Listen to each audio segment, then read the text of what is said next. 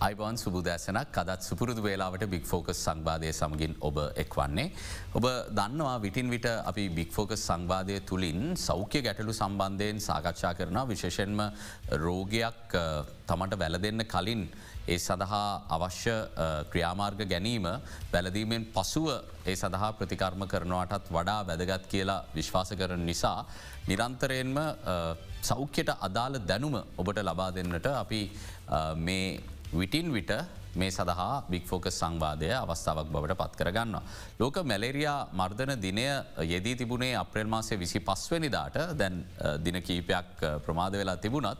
අද අපි තීරණය කරා මැලේරයා රෝගය ගැන කතා කරන්න විශේෂෙන්ම මැලේරියාව ශ්‍රී ලංකාව තුළ තර්ජනාත්මක තත්ත්වයකට එන්නට හැකියාවක් තිබෙනද අපි මේ ගැන කතා කරන්නේ මීට දින කිහිපයකට කලින් මැලෙරියා මරණයක් ශ්‍රී ලංකාවෙන් වාර්තාවීමත් එක්ක. අපි සියලුදේ ගැන පැහැදිලි චිත්‍රයක් වෛදවරුණ එක සාකච්ඡා කල්ලා ලබාගන්නට අද සූදානමින් ඉන්න. මුලින්ම අපි පිළිගන්න කැමති සංවාදයට මැලේරයා මර්ධන ව්‍යාපාරයේ අධ්‍යක්ෂ වෛද්‍ය චම්පා අලුත්වීර මහත්මියව අයිවන් කියලා වෛද්‍යතුමිය පිළිගන්න. ඒත් එක්කම කායිකරෝග විශේෂඥ වෛද්‍ය අනුලා විජයසුන්දර මහත්මියවත් අයිබවන් කියලා පිළිගන්නවා සංවාදයට. ප්‍රජා වෛද්‍ය විශේෂඥ පුබුදු චූල සිරි මහත්මයවත් අයිවන් කියල සංවාදයට පිළිගන්න. මුලින්ම මම අධ්‍යක්ෂතුමීට යොමු වෙන්නේ මේ වන විට අපි දන්න කාරණය ශ්‍රී ලංකාව අපි හඳුන්වන්නේ මැලේරයා රෝගය තුරන් කරපු රටක් විදියට. නමුත් විටින් විට ශ්‍රී ලංකාව තුළින් අපි රෝගීන් වාර්තාවීම් දකිනවා. තුරන් කිරීම කියන නිර්වචනය කොහොමද අපි ලබා දෙන්නේ. මෙමයි දෙදස් දාසය වසරේදී අපිට ලෝක සෞඛ්‍ය සංවිධානයෙන් මැලේරයා රෝගය අපේ රටින් අපේ රටේ තවදුරටත් නැති බවට සහතිකයක් ලැබුණ. ඉතින් එයින් පස්සේ එකන්නේ අපේ රට තුළින්ම ඇතිවන රෝගීන් හමුණේ නැහැ. ඒ වනාට අපේ රටේ විවිධ කණ්ඩායම් සිටිනවා මැලේරයා අධික බහුල රටවල් එකැන එන්ඩමික් තත්වේ රටවල් වලට නිරතුරු සංචාරයේ යෙදෙන අය. එතකොට අන්න ඒ වගේ අවස්ථාවල් වලදී අපේ ඒ සංචාරය කරන්නන් හට තමන්ගේ ශරීරයට මේ පරපෝෂිතය ඇතුළු වෙලා ඉට පස්සේ ඔවුන් ලංකාවටාවට පස්සේ ඇගේ තිබුණොත් ඒ ඇතිවන මැලේරයා තත්වේ තමයි අපි ඉන්පෝර්ටඩ් කේස එකක් විදිහට හඳුන්නන්නේ. ඉන්ඩිජිනස් කේසස් තමයි අපේ රටේ නැත්තේ ගැන අපේ රට තුළින් මැතිවට තත්ත්වයක් නැහැ. ඉම්පෝර්ටඩ් කේසස් ගැන කතා කරනවා නං මේ අවුරුද්දේ මේ වනමිට කේසස් දා හත්තරක් අපිට වාර්තා වෙලා තියෙනවා. සියලුමය විදේශගත වෙලා ඉඳලා අපපු අය. ඕ. විදේශ රටවලදී පරපෝෂිතය ශරීරතුරට ඇතුල් වෙච්චාය. අපි පහසුගේ වසර ගැන කතා කරනවා නම් තිස් හත් දෙනෙක් වාර්තා වුණ වසර පුරාවටම.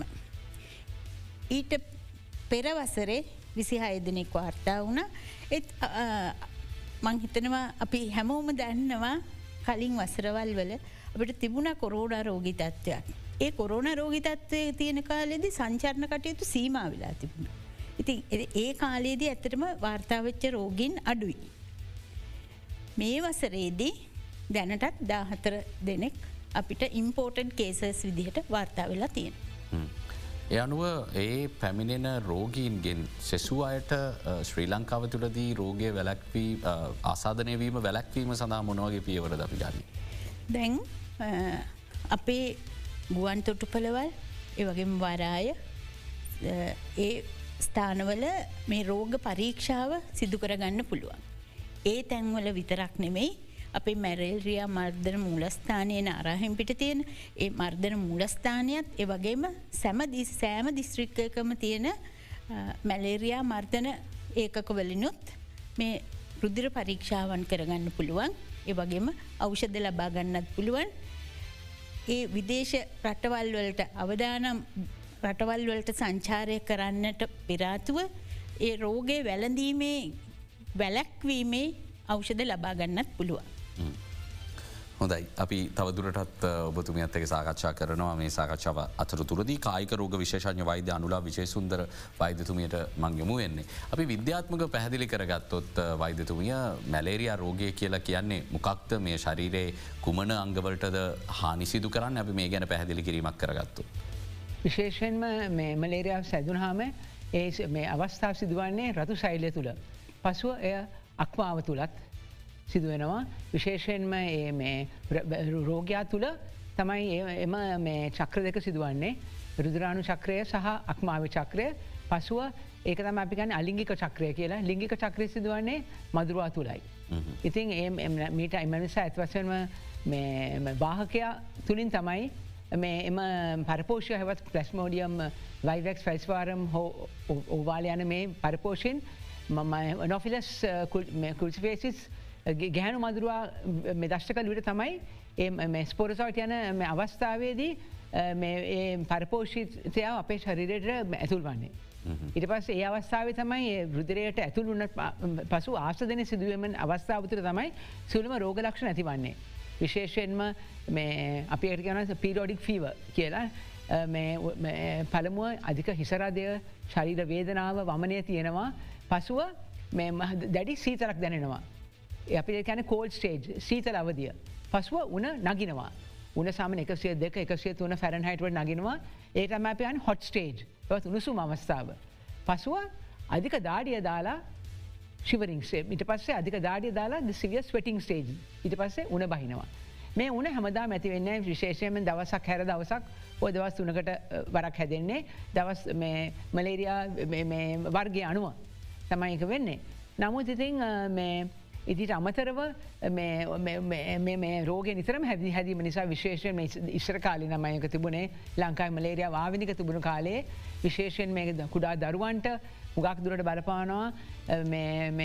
තවත් ගර්භණි මව්වරුන්ට සහ විශේෂම ගොවියන්ට. එක විශේෂ මේ තියෙන්නේ වියලි කලාපයනේ.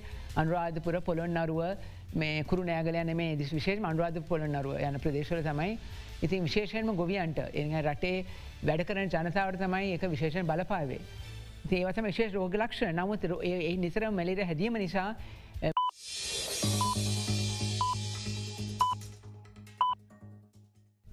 Phoenix. Design for Life. ශරීර නීරක්තතාවය සහ අක්මාවහා පලිහා විදීමීම යන රෝගලක්ෂ ඇතිවෙන නමුත් ඉතින් මලේරියාවට නිසිලෙස හරි කාලයට අවශ්‍ය බෙත් අවෂද ලබාදුනේ නැත්තම් එනම් සියලුම ප්‍රතිවිපාක් ඇතිවෙන පුළුවන්. ඒ ප්‍රතිවිකා විපාක සැදනොත් තමයි රෝගය උග්‍ර වෙලා නොෙක් නොෙක් ඉතාමත් භයනක රෝගලක්ෂ ඇතිවෙන පුළුවන්. එවිට එය මොලට බලපාන පුළුව අක්මාවට ශ්වසන පද්ධතියට සහ වකුගොඩුවලට රුදි යන මේ සියලුම අවයව වලට බලපාලා ඉතාම සංකීර රෝග සත්වයක් ඇතිවෙන පුළුව නමුත් ඒවෙන්නේ මලේරියාව නිසි ලෙස විනිශ්වය නොකර බේත් ලබා දුන්නේ නැත්නම් පමණයි. හොඳයි ප්‍රචාවයිද විශේෂඥ වෛද්‍ය පුබුදු චූලසිරි මහත්මයට මම යොමු වෙන්නේ විශේෂෙන්ම මේ දිනවල අපි සාකච්ඡා කර පසුගේ කාලේ මැලේරයා මරණයක් ශ්‍රී ලංකාවෙන් වාර්තා වනා කියලා. ඔබේ දැනුවත් භාවය අනුව ඒ මරණයට අදාළ පුද්ගලයා මොන රටේ ඉදන්ද ශ්‍රී ලංකාවට එන්න? ඔබලඟ දත්ත තියෙනවා නම්. ඔවු කවිදු? මේ පුද්ගලයා ඇතරම බේරුවල ප්‍රදේශය පුද්ගලයෙක්. පෞගේ අවුරුදු හත්ත වගේ ඇතුළත්ත මේ පුද්ගලයා ප්‍රධානවශයෙන් මෙයාගේ රස්ථාව තියන්නේ මැනෙක් ව්‍යාපාරය. අප්‍රිකන්ඩට ඔල්ලට මෙයා හැමදාමගේ අවුරුද්ධට කිපතාවක් යනවා. ඇබැයි පව් අවසානතාවටගේ ඇන්සානියාව කෙන ඒ රටට. එයා ෆ්‍රීක්වන්ලිය හැම අවුරුද්ධමගේ මෙත් යනවා. නොත් එකම ප්‍රශ්න තියෙන්නේ අපි සාමාන්‍යෙන් මේ වගේ පුද්ගලයොන්ට අවදාන පුද්ගලන්ට මැලේරිය හැදෙන්න්න පුළුවන් පුද්ගලයොන්ට අපි ප්‍රධාන වශයෙන් මැලේරිය මරණ ව්‍යාපාරය මගින් අපි කියල තියෙනවා. අවශ්‍ය අවෂධ ලබාගන්න කියලා. මොකද අපට ඉතාමා සාර්ථකව මැලේරියාව රෝගය හැදෙන් නැති වෙන්න අවශ්‍ය අවෂධ ලංකාවේ තියෙනවා. ඉන් අපි හැමවෙලේම පුද්ගලන්ට කියලා තියෙන්නේ ඔබ මෙම රටවල්වලට යාමට පෙර මෙම අවශ්‍ය අවෂද ලබාගන්න කියලා. නමු තවාසනාවට මෙම පුද්ගලයා මලේරියාව වැලැක්වීමට අවශ්‍ය අවසද ලබාගෙන තිබෙනෑ. ඒකන දැනුවත් භාවයක් දැනුවත් නෑ දැනුවත් විශේෂයම මෙම ප්‍රදේශයේ අපිට විශාල වශයෙන් පුද්ගලයන් ලංකාවෙන් යාමට ප්‍රථම මේගොල්ලු අපි ගාවට එනවා අවශ්‍ය අවෂධ ලබාගන්න. තිං ඒක දැනුවත් භාවී අඩුවක් එම පුද්ගලයාගේ මීට ඉස්සෙල්ලා අපි දැනගටිය මෙයක් දන්නවා. මෙයා විශේෂයෙන්ම මැලේරයා අවෂධ ලබාගන්න අවශ්‍යයි කියලත් දැනන් හිටිය. යනු නොසලකා හැරීමක් සිදුව ඔව ඒක මොකක්කර හේතුවන් නිසා ඒ පුද්ගලයා අවශ්‍ය අවසුද්ධ ලබාගත්ත නෑ. ඉතින් ප්‍රධානම කාරණය ඒක එක කාරණය. හැබැයි ඒ අවෂධ ලබාගත්තේ නැති වනත් මෙම පුද්ගලයා ලංකාවට පැමිණියට පසු රෝග ලක්ෂණ මතුවාට පසු වැදගත්ම කාරණය තමයි තමන් ප්‍රතිකාරගන්න වෛද්‍යවරයාට තමන් මෙන්න මේ මැලේරියාව සහිත රටකින් පැමිණි බව ප්‍රකාශ කිරීම. මොකද වෛද්‍යවරයාට රෝග ය හඳුනා ගැනීමට අවශ්‍ය පරීක්ෂණ සිදු කිරීමට මෙම පුද්ගලයා පවසන්න ඕනේ මම මෙ මේ මැලේරියාව තියෙන රටකින් පැමිණි බව. නමුත් අවාසනාවට මෙම පුද්ගලයා ප්‍රතිකාර කරපු බවෛද්‍යවරුට තමන්ගේ මෙම රටට ගොස් පැමිණි බව ප්‍රකාශ කිරීම සිදුව ලන්න නැහැ.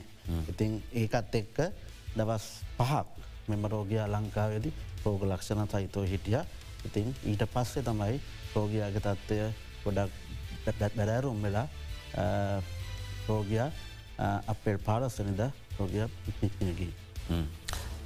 වෛද්‍ය චම්පා අලුත්වීර මහත්මිය සාමනය වාර්ෂිකව ශ්‍රී ලංකාවෙන් විදේශගතව එන රෝගීන්ගෙන් හෝ මරණ වාර්තා වෙනවද මේක කොච්චර කාලෙකට පස්සේ වාර්තා වෙච්ච මරණය. වසරදා හතරකට පසු තමයි මේ මරණය වාර්තා වනේ. ඇත්තටම මේ තරම් විශාල කාලයක් අපේ මැලේරයා මර්ධන ව්‍යාපාරයේ මූලස්ථානය වගේම අනිකුත් දිස්ත්‍රික්කවල සේවය කරන සියලුම කාර්යමණ්ඩලවල ඉමහත් කැපවීම නිසාවෙන්ම තමයි අපිට ඒ විදිහට මරණවාර්තා නොවී හොඳ තත්ත්වයක් පවත්වා ගන්න පුළුවන් වුණේ. ඇත්තටම දැන් රෝගී සතුවත් යම් වගකීමක් තියෙනවා තමන්ගේ ජීවිතය ගැන. අපිට පුළුවන් දැනුවත් කරන්න හැබැයි අපිට ආකල්ප වෙනස් කරන්න තව ගොඩක් මහන්සිවෙන්න වෙන. තින් තමගේ සමරට තියෙන පෞද්ගලික විශ්වාස මත ප්‍රතිකාරවලට යමු නොවීම් වගේ දෙවලු අපි ඒ වගේ දෙවලුත් තියෙන. අපි ගත්තොත් එහෙම සාමාන්‍යයාගයක් වසරකට පණහකට ආසන්න දෙනෙක් අපිට රෝගීන් විදිහට වර්තා වෙනවා. කිසිම ගැටලුවක් වෙන්නේ නැහැ. විදේශගත වන්න පෙරාතුව ඒ රෝගය වැළඳීම වැලකිවීමේ අවෂධ ලබාගත්ත වගේම රටට නැවත ගොඩ බැස්ස වහාම පරීක්ෂාවන් සිදු කර ගත්තානම් කිසිම ගැටලුවකින් තොරව නිට්ටාවටම සුව කරගන්න පුළුවන්. වෛදතුමිය ලෝකයේ තත්වය ගැන අවධානයම කරද්දී මේ වෙද්දි ලෝකයේ මොන රටවල් වලද වැඩිපුරම මැලේරයා තියන මොකද දෙදස් විසියකේ දත්තගත්තම රෝගින් මිලියන දෙසිය හතලි සතක් ගෝලිය වශයෙන් වාර්තා වෙලා තියෙනවා. මොනවද රටවල්. අප්‍රිකානු රටවල් විශේෂයෙන්ම ඒ වගේම ලැතින් ඇමරිකානු රටවල් ආසියාවත් බොහෝ රටවල් වල මැලේරියාව තියෙනවා ඇත්තටම ලංකාව තමයි තුරන් කළ තියෙන්නේ ළඟදි චීනයත් චීනෙත් දැනට රෝගින් වාර්තා වෙන්නේ නැහැ. ඒ වගේම මාලදිවයිනෙත් රෝගින් වාර්තා වෙන්නේ නෑ ඉතුරු රටවල් වල ලේරියාව බහුළුව තියෙන.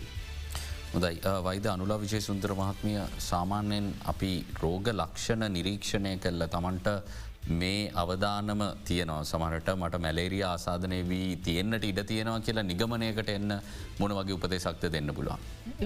සමන් හිතරනම් විශේෂ පිටටික ලංකාවට පැමිණිට තමන්ට තිබෙන උන මලේරයා වෙන්න කියලා හිතනවන ඇත්වසයෙන්ම ඒ අයට ලංකායි ඕනෑම රජය රෝහලක ප්‍රාථමික අන්සේ ඉදම් පමණක්. ප්‍රයිමර් හෙල්ක යුනිටස මූලික රෝහල් ප්‍රාදේශ රෝහල් ශික්ෂණවල් හැම රෝහලකම තිබෙනවා ආඩට කියන රැපි ඩගනොස්ටික් ටූල් යන මේට යන මේ පරීක්ෂණය.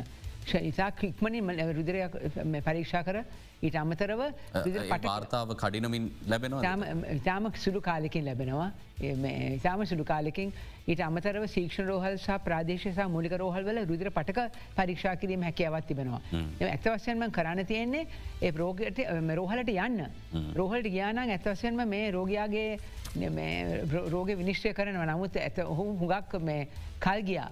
අනික ඔහු සඳහන් කරු නැති නිසාත් ඕපිටට ගිය සඳ සඳහත් ඒක මේ රෝගේ විනිශ්්‍ය කරන හුඟක් කරුණා නමුත් සාමානය වශයෙන් ඉතාමත්ම පැබාග ඇතුරත රෝගය පුළුවන් විනිශ්්‍ය කරන නමුත් ඒ රෝගය ප්‍රතිකාර සඳහා යොමුවෙච් අවස්ථාව සිදු කරන රසායනගාර පරීක්ෂණයකින් මේ බව කඩිනමින් තහුරු කරගන්න බැරිද.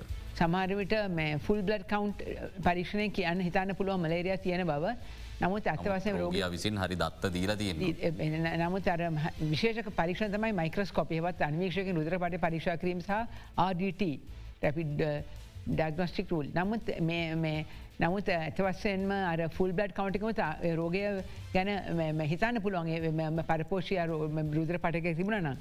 නමුත් ඒක බලපු නමුත ගොලතේ නර පෞද්ගලික වෛදවරු ළඟට ගිහිල තියෙන්නේ පළමුුව. අපි තවදුරටත් මේ ගැන කතා කරමු උපදෙස් ලබාදී යුතුයි රටේ ජනතාවට මෙවැනි අවස්ථාවකදී නිවරදිමදේ මොකක්ද අපිට යමුවෙන්න්නට පුළුවන් කියලා ඉරමත්තෙන් කෙටි විරාමයක් ලබා දෙන විරාමින් පසුව ඉක්මනින්ම අලි තමුණ.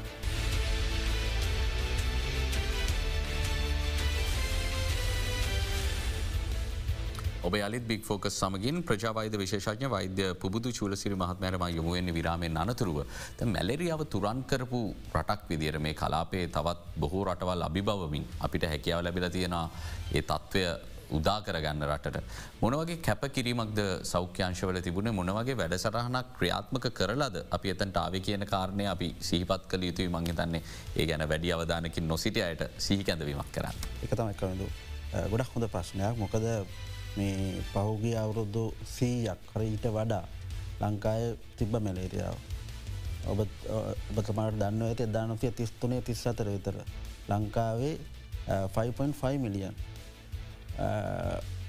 ෆොටෝගින් වාර්තා වන වාර්ෂික දහක් මේ ගිය දනත තිස්තුනේ තිස් අතරේ හැබැයි එක්තරා කාලකද අපට රෝගින් දාහතකට එක බස්තගන්න පුළුවන් වුණා. හැබැයි හැට තුනේ උදානසය දනු හැට තුනේදී නැවතත් යම් කිසි ගත්ත ක්‍රියාමාර්ගවල යම් කිසි ප්‍රශ්න නිසා නැවතත් රෝගීන් වාර්තාාවන්න පටන් ගත්තා. අපි ගෙනවා අවුඩ්බ්‍රේක්යක් ආව. බයි ඒක නවත්ත ගන්නපට වසර හතලියක් ගිය. අවසාන රෝගින් නිස්තුන් දෙනා දෙදස් දොත්තොලයි තමයි වාර්තාවනි ලංකාවෙන් බත්මතවුණු රෝගීන් තිඟතකොට කැපවීම ගැන කතා කරනවා නම් සෞඛ්‍යංශ විතරක් නෙවෙයි. ලංකායි සියලුම දෙනා මහජනතාව ඇතුළුව ප්‍රධාන වශයෙන් ඒකද අප ස්ටටජීස් කියලකිනවා. එක්තරා එක්ටජයකත්තම අපි විශාලවසයෙන් පබ්බික් අවයානස් පුද්ගලයන් අපි පුළුවන්තරං ඇනුවත් කරා අවශ්‍ය අවෂද ලබා ගන්න අවෂද ලබා ගැනීමට ප්‍රථම යම්කත රෝග ලක්ෂණ පැමිණියෝතින් අවශ්‍ය රෝහල් කරා පැමිණ ප්‍රධාන වශයෙන්ම එගොල්ලො බෙහෙත් ගත්තා. තොර එක එක කාරණයක්. ඊට පස්සේ ප්‍රධාන වශයෙන්ම ඔබ දන්න ඇති මැලේරියාව එක් පුද්ගලයකුකින් තවත් පුද්ගලයකුට පැතිරෙන්නේ අපිගෙන වෙක්ට ඇනෝෆිලිස් මදුරුවා මාර්ගය. එතකොට මෙම රෝකය වලක්ව ගන්න. තවත් අවශ්‍ය කාරණයක් තමයි මේකන මදුරුවාව විනාශ කිරීම. ඉතින් එක්තරා කාලෙකද අපි ඉතා විශාල වශයෙන් අපි මෙම වෙක්ට කන්ට්‍රෝල් කියල කියනවා. මෙම මදුරුවන් ප්‍රධාන වශයෙන් පාලනය කරා. තොට ඒක පාලනය කරේ ඔබ දන්නය සමල්ලාවට අපි බෙහෙත් තිස්සා. ගෙවල්ලට බේත්තිස්සා ඒ ක්‍රියාමාර්ග හන්දත් අපිට රෝ එක් රෝගයකින් තවත් රෝගය කොට රෝගය පැතරීම වලක්ව ගත්තා. හැබැයි මීට අමතරව අපිකෙන සර්වේලන්ස් සර්වේලන්ස් එක ආවේක්ෂණය ආවේක්ෂණය අපි ඉතාමත් ප්‍රබල ලෙස අපි ටිෂයාත්ම කර. යම්කිසි රෝගීන්න හඳුනා ගැනීම. අපි ගමෙන් ගම ගෙවල්වලින් ගෙවල්වලට ගොස්. රෝගීන් ප්‍රධාන වශයෙන් රෝගීන් හඳුරගත්තා එම රෝගීන්ට ප්‍රතිකාර කරා හැබැයි ඒ වගේම එම රෝගින් අපි පලොවක් කර ආපව්වා පව් රෝගීන්ට හැදෙන් නැතිවෙන්න. ඒගොල්ලන් අපි කෙන ෆ්‍රීකන්ලි අපි ඒගොල්ලඟ චෙක් කර හැම වෙලාම අපි චෙක් කර එගොලන්ට රෝගය නැවතත් ඇගේ ඇතුළේ පරපසිත ඉන්නෝද කියලා. තිම ආවේක්ෂණ කටයුත්තුත් අපි ප්‍රධාන වශයෙන්ම ටක්තිමත් කරපු හන්ද අපිට එම රෝගය පාලන කරන්න පුළුවන් වුණා. හැබැයි මේකට ප්‍රධාන වශයෙන්ම Um, uh, අපිට ෆන්ඩිං ඇජසි ලෝක සෞඛ්‍ය සංවිධානය GFATM. ඒ වගේ ප්‍රධාන වශයෙන්ම uh, uh, ආයතන අපි විශාලෝචන උදව් කරා ආර්ථිකමය සහ එගොල්ලන්ගේ තියෙන දැනුම අපට ලබා දුන්න ඒ ලබාදීම මගින් අපිට රෝගය පාලනය කරගන්න පුළන් වුණා. මොකද ලංකාව තමයි අපි ඉතනනම් තමක ආශිතව තියෙන. කටක්කදියට ශ්‍රී ලංකාව විතරයි ප්‍රධාන වශයෙන්ම මොකද අපිට එකම් ප්‍රශ්න අපිට වෙක්ට ඉන්නවා. මදුරුව ඉන්නවා. මදුරුවත් ඉඳල්ලා ලෝකයෙන් මැලේරියාව අපට අහක් කරන්න තුරන් කරන්න ප්‍රධාන වශයෙන් උදව් කරේ මෙම ලංකාවේ මහජනතාව සෞඛ්‍ය අංශ සහ ටෙක්නිකල් ඒජන්සිස් ලෝකදව සංවිධානය වගේ ඇතුළු සංවිධානතම අපට විචාල වශයෙන් උදව් කරේ. ඒකට අපට එකුලන්ට ස්තුති කරන්න අවශ්‍යය. අධ්‍යක්ෂතුමිය දැන් කෙනෙකුට බැලූ බැල්මට ප්‍රශ්නයක් කියන්න පුළුවන් ඩෙංගු වුවදුර වගේ ඩෙංගු අසංගතය වගේ එකක් අපිට මේ වන විටත් දැඩි පීඩා ගෙන දෙමින් ඉන්නවා. අපිට මේ මැලේරියාව තුරන් කර වගේ කවදරි දිනක ඩෙංගු රෝගයක් තෙලෙස තුරන් කරන්න පුළුවන්ද. ඒ ඒ තියෙන වෙනස් කම්මනද මං අහන්නේ මැලේරියාව තුරන් කිරීමට හැකියාව ලැබීම සහ ඩෙංගූ වගේ රෝගයක් අතර තියෙන අභියෝගය. ඩෙංගු රෝගය හඳුන්වන රෝගය බෝ කරන මදුරුවන් ඇතටම ඊඩීස් ගනේ මදුරුවන්. ඊඩීස් ඊජිප්ටයි ඊඩීස් ඇල්බ පික්ටස් කියන මදුරු විශේෂ තමයි ඩෙංගු රෝගය සෑදීමට වාහකින් විදිට එන්නේ. එතකොට ඇත්තටම දැන් ඔබ හිතන්නේ කොහොමද කවිඳු දැන් අපි කියනෝ මහජනතාවට තමන්ගේ ගේවටේ සුද්ධ කරගන්න කියලා. හැබැයි අපිට අපේගේ වටේ විතරක් සුද්ධ කරගෙනත් බෑ. හැම කෙනෙක්ම ඒ අභියෝගය භාරගන්න ඕනේ ගෙවතු තමන්ගේ අවට වටා පිටාව පිරිසිදු කර ගැනීම. මොකද මේ මදුරුවා පියාඹනවා. මදුරුව පියාඹන මේ දුර ප්‍රමාණයත් එක්ක බැලුවොත් එතකොට අපි එක වත්තක් සුද්ද කරගෙන හරියන්නේ නෑ. පළමුුවෙන්ම මං කියන්න කැමති අපේ ජනතාව හැම කෙනෙක්ම පාහේ දන්නවා.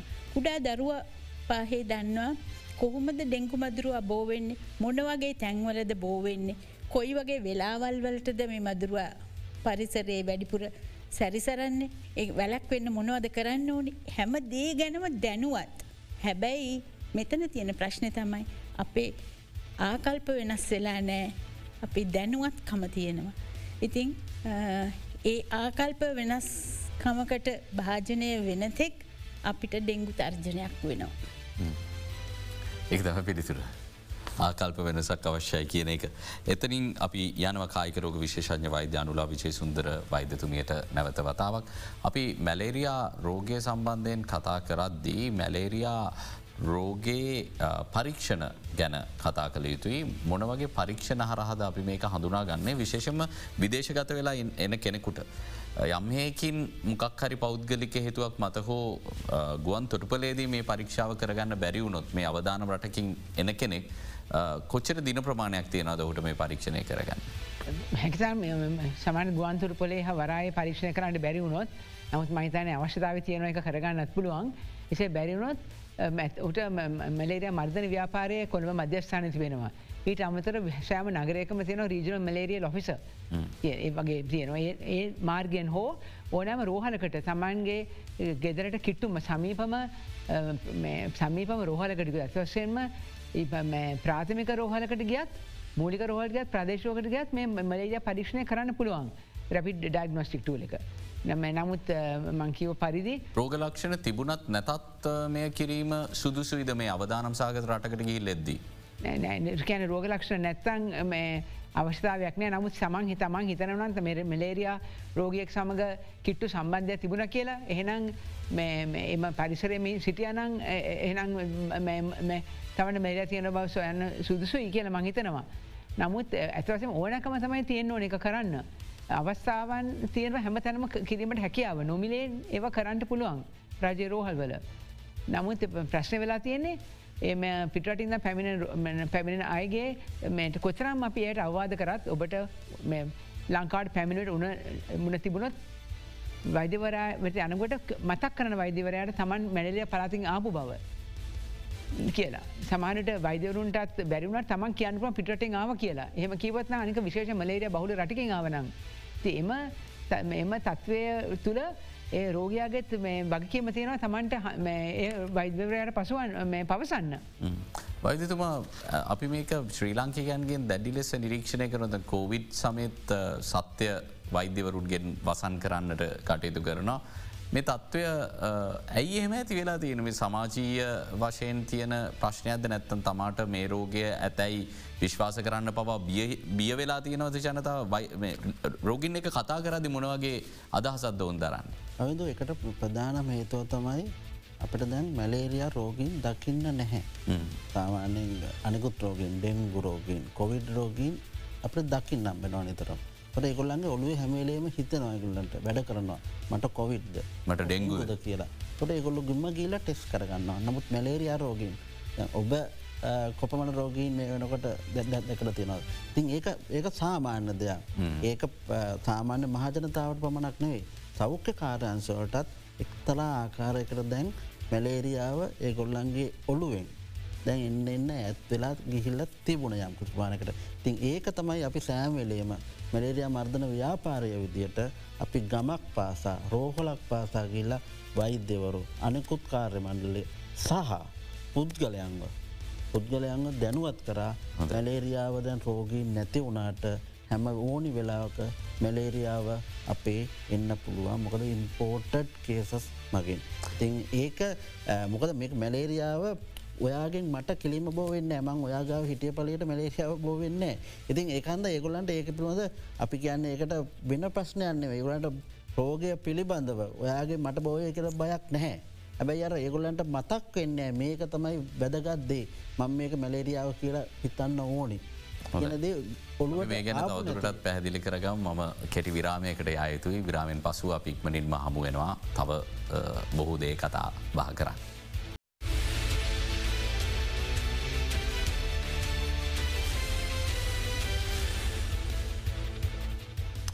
ඔබ අලිත් බික් ෆෝක සමගින් අපි මැලේරයා රෝගය සම්බන්ධයෙන් සාකච්ඡා කරමින් සිටින්නේ. විශේෂම ලෝක මැලේරයා දිනය මීට දින දෙකට කලින් යෙදිල්ල තිබුණා. ඒ හා සමගාමී වගේම ොට මේ රෝගය ගැන දැනුවත් භාවයක් දීම තම අපේ අරමුණ. කායික රෝග විශේෂඥ වෛද්‍ය අනුලා විශේසුන්දර වෛද්‍යතුමියට මංගම වෙන මංහිතන්න අපිට දත්ත කීපයකට යන්න පුළුවන් අතීතයේ තත්ත්වය ශ්‍රී ලංකාවේ මැලේරියාව සම්බන්ධින් කතා කරද්දී. ඇතසේ මම එකෙන් පේනවා. ඔබතුමේ විස්සර කරන්න. රයි් මේකෙන් පේනු ඇත් ලංකා විතාමත් මුග්‍රතම මලේරයා වසංගතිම එක දස් නමසය තිස් පහය තමයි. මේ ඒ අවස්සාාව අසු දාහක් මැලරියාවලින් නැතිවුණා පසුව ලංකාවේ මලේරියාව තමනා දුරට තුරන් කරන්න පුළුවන් වුණා. නමුත් පසුව මේ ඒ කරන්න පුළවන් ඩට විදිම පටාගත නමුත් නමුත් දිගිදික නිරීක්ෂණ කටයුතු සිදුරු නැති නිසා නැවත මලේරයා ලංකා පැතිරුණ අවසාන වසයෙන් එකදස් අසු හතේ තමයි ලංකායි අවසාන්න ලොකුම අවසාන වසංගත තිබුණ. ඒ අවස්සාය තම පොළනොරුව ප්‍රදේශ වැඩ කරේ. ඒ ඒ එකදසම අසු හතේ ලංකාවේ මලේරයා රෝගින් සංඛ්‍යාව 700,000 ලක්ෂ හතක් හිටිය මලේරයා රෝගීන්. ඒ වසරේ ලංකායි වැඩිම රෝගශාලාවට ඇතුළිකිරීමට හේතුව තමයි මලේරිය. ඔබට පේන මේක තමයි මලේරයා රෝගීන් හිටියේ. එම අවස්ථාතුරට ප්‍රධානතම රෝහල අසූ හතවුරුද්ද එකදත්න අසුවතේ. මිට පස්සු දැ මෙට පේන පොළොනොරේ රෝහල්වල මුණ හැදිලා මේ කාන්තාවන් වෙවලනවා කොච්ච අමාරුවද මේ අය සිටින්න කියලා. තවත් මලේරයා නිසා මංග ශරීර වර්ධනය බලපානමේ ළමයිද අවුදු අටයි අවුරුදු පහයි. නමුත් ඔබට පේනවා ළමයි ශරීර වර්ධනය අඩු වෙලා තියෙනවා. ඒ නිරක්තාවෙන් පෙනෙනවා තවත් මලේරයා හැදුන ඇත හුගත් වැදගත් ගර්මණය තත්ව අවස්ථාවත් බෙහෙත් අවෂද ගැනීමට මලේරියාවට අවෂද තිබෙනවා. නමුත් සමහර කාන්තාවන් බයයි ඒ කාලේ වනත් ඒ දරුවාට ප්‍රශ්නයක් වේ කියල. දරුවට එම අවෂද වලින් හානියක් වේ නම දස්වම අවෂද නොගන්න නිසා තමයි මේ දරුවාටත් මලේරිය ඇදිලා ශරීරයේ මේ වර්ධනයට වෙලා නිරක්ෂතාව ඇතිල අක්මාව ප්ලිහා විදිමිලා ඒ අවස්ථාව වෙලා තිබෙන ඇතවසයෙන්ම ඒ මව මලේරයා උෂද කලෝරකුවෙන් ගත්තන මේ අවස්ථාව පටුවෙන්නේ. ඉන් පසුවත් මේ පේන මලේර වර්ද නිසා අක්මා පලිහා විදිමිලා මේ රෝගතත්ව ඇති වෙලා තවත් මේ බොහ ගොවියන්ට මෙමලෙ හැතිම නිසා පලිහා විදිමෙනවා ඇති වැටුනා මේ පලිහාාව පිපිරිලා අධික ලෙස රුදිර පරිහන වෙන පුළන් එවැනි අවස්ථාවල ශල්ලකර්ම කර රුදිරේ නැතු නැත්තන් මරණයට පත්වෙන පුළුවන්. මේ තවත් පරීක්ෂණයක් තවත් තමයි අතුරු ආබාධයක් මලේරයා බෙහෙත්වලට නොගැනීම නිසා හෝ රෝගේ අතුරු ආබාධයක් ලෙසා මුත්‍රා කළුපාට යන මොකද රුදරේ රතු සයිල විනාශ වෙලා වාහකය මුත්‍රා සංග පිට වෙනවා.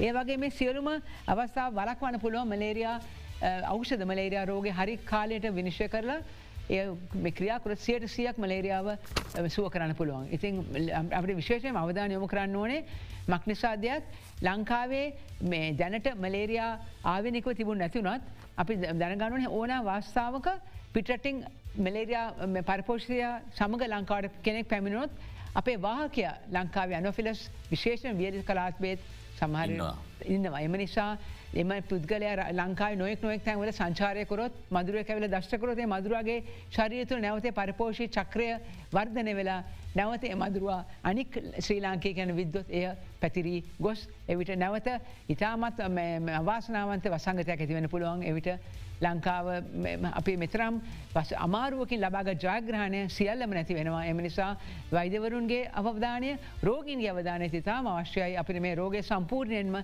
ලංකායි තුරන් තත්වයකම පවත්වන්න. අධ්‍යක්ෂතුමිය දැන් රෝගය තුරන් කරනවා වගේම අභියෝගාත්මකයි මෙතුමිය කිව්ව වගේම මේ තත්ත්වය පවත්වාගෙන යාම.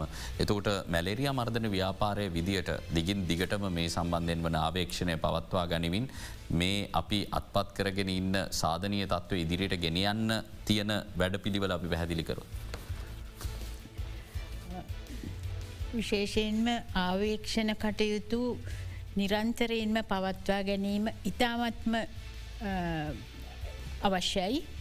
ඒත් ඒ හා සමගම අපිට මේ අපේ විශේෂඥ වෛද්‍යතුමා කිව්වවාගේ මේ අමතක වෙලා යන මැලේරයා රෝගය පිළිබඳ නිරතුරුව දැනුවත් කිරීම අවශ්‍ය වෙනවා.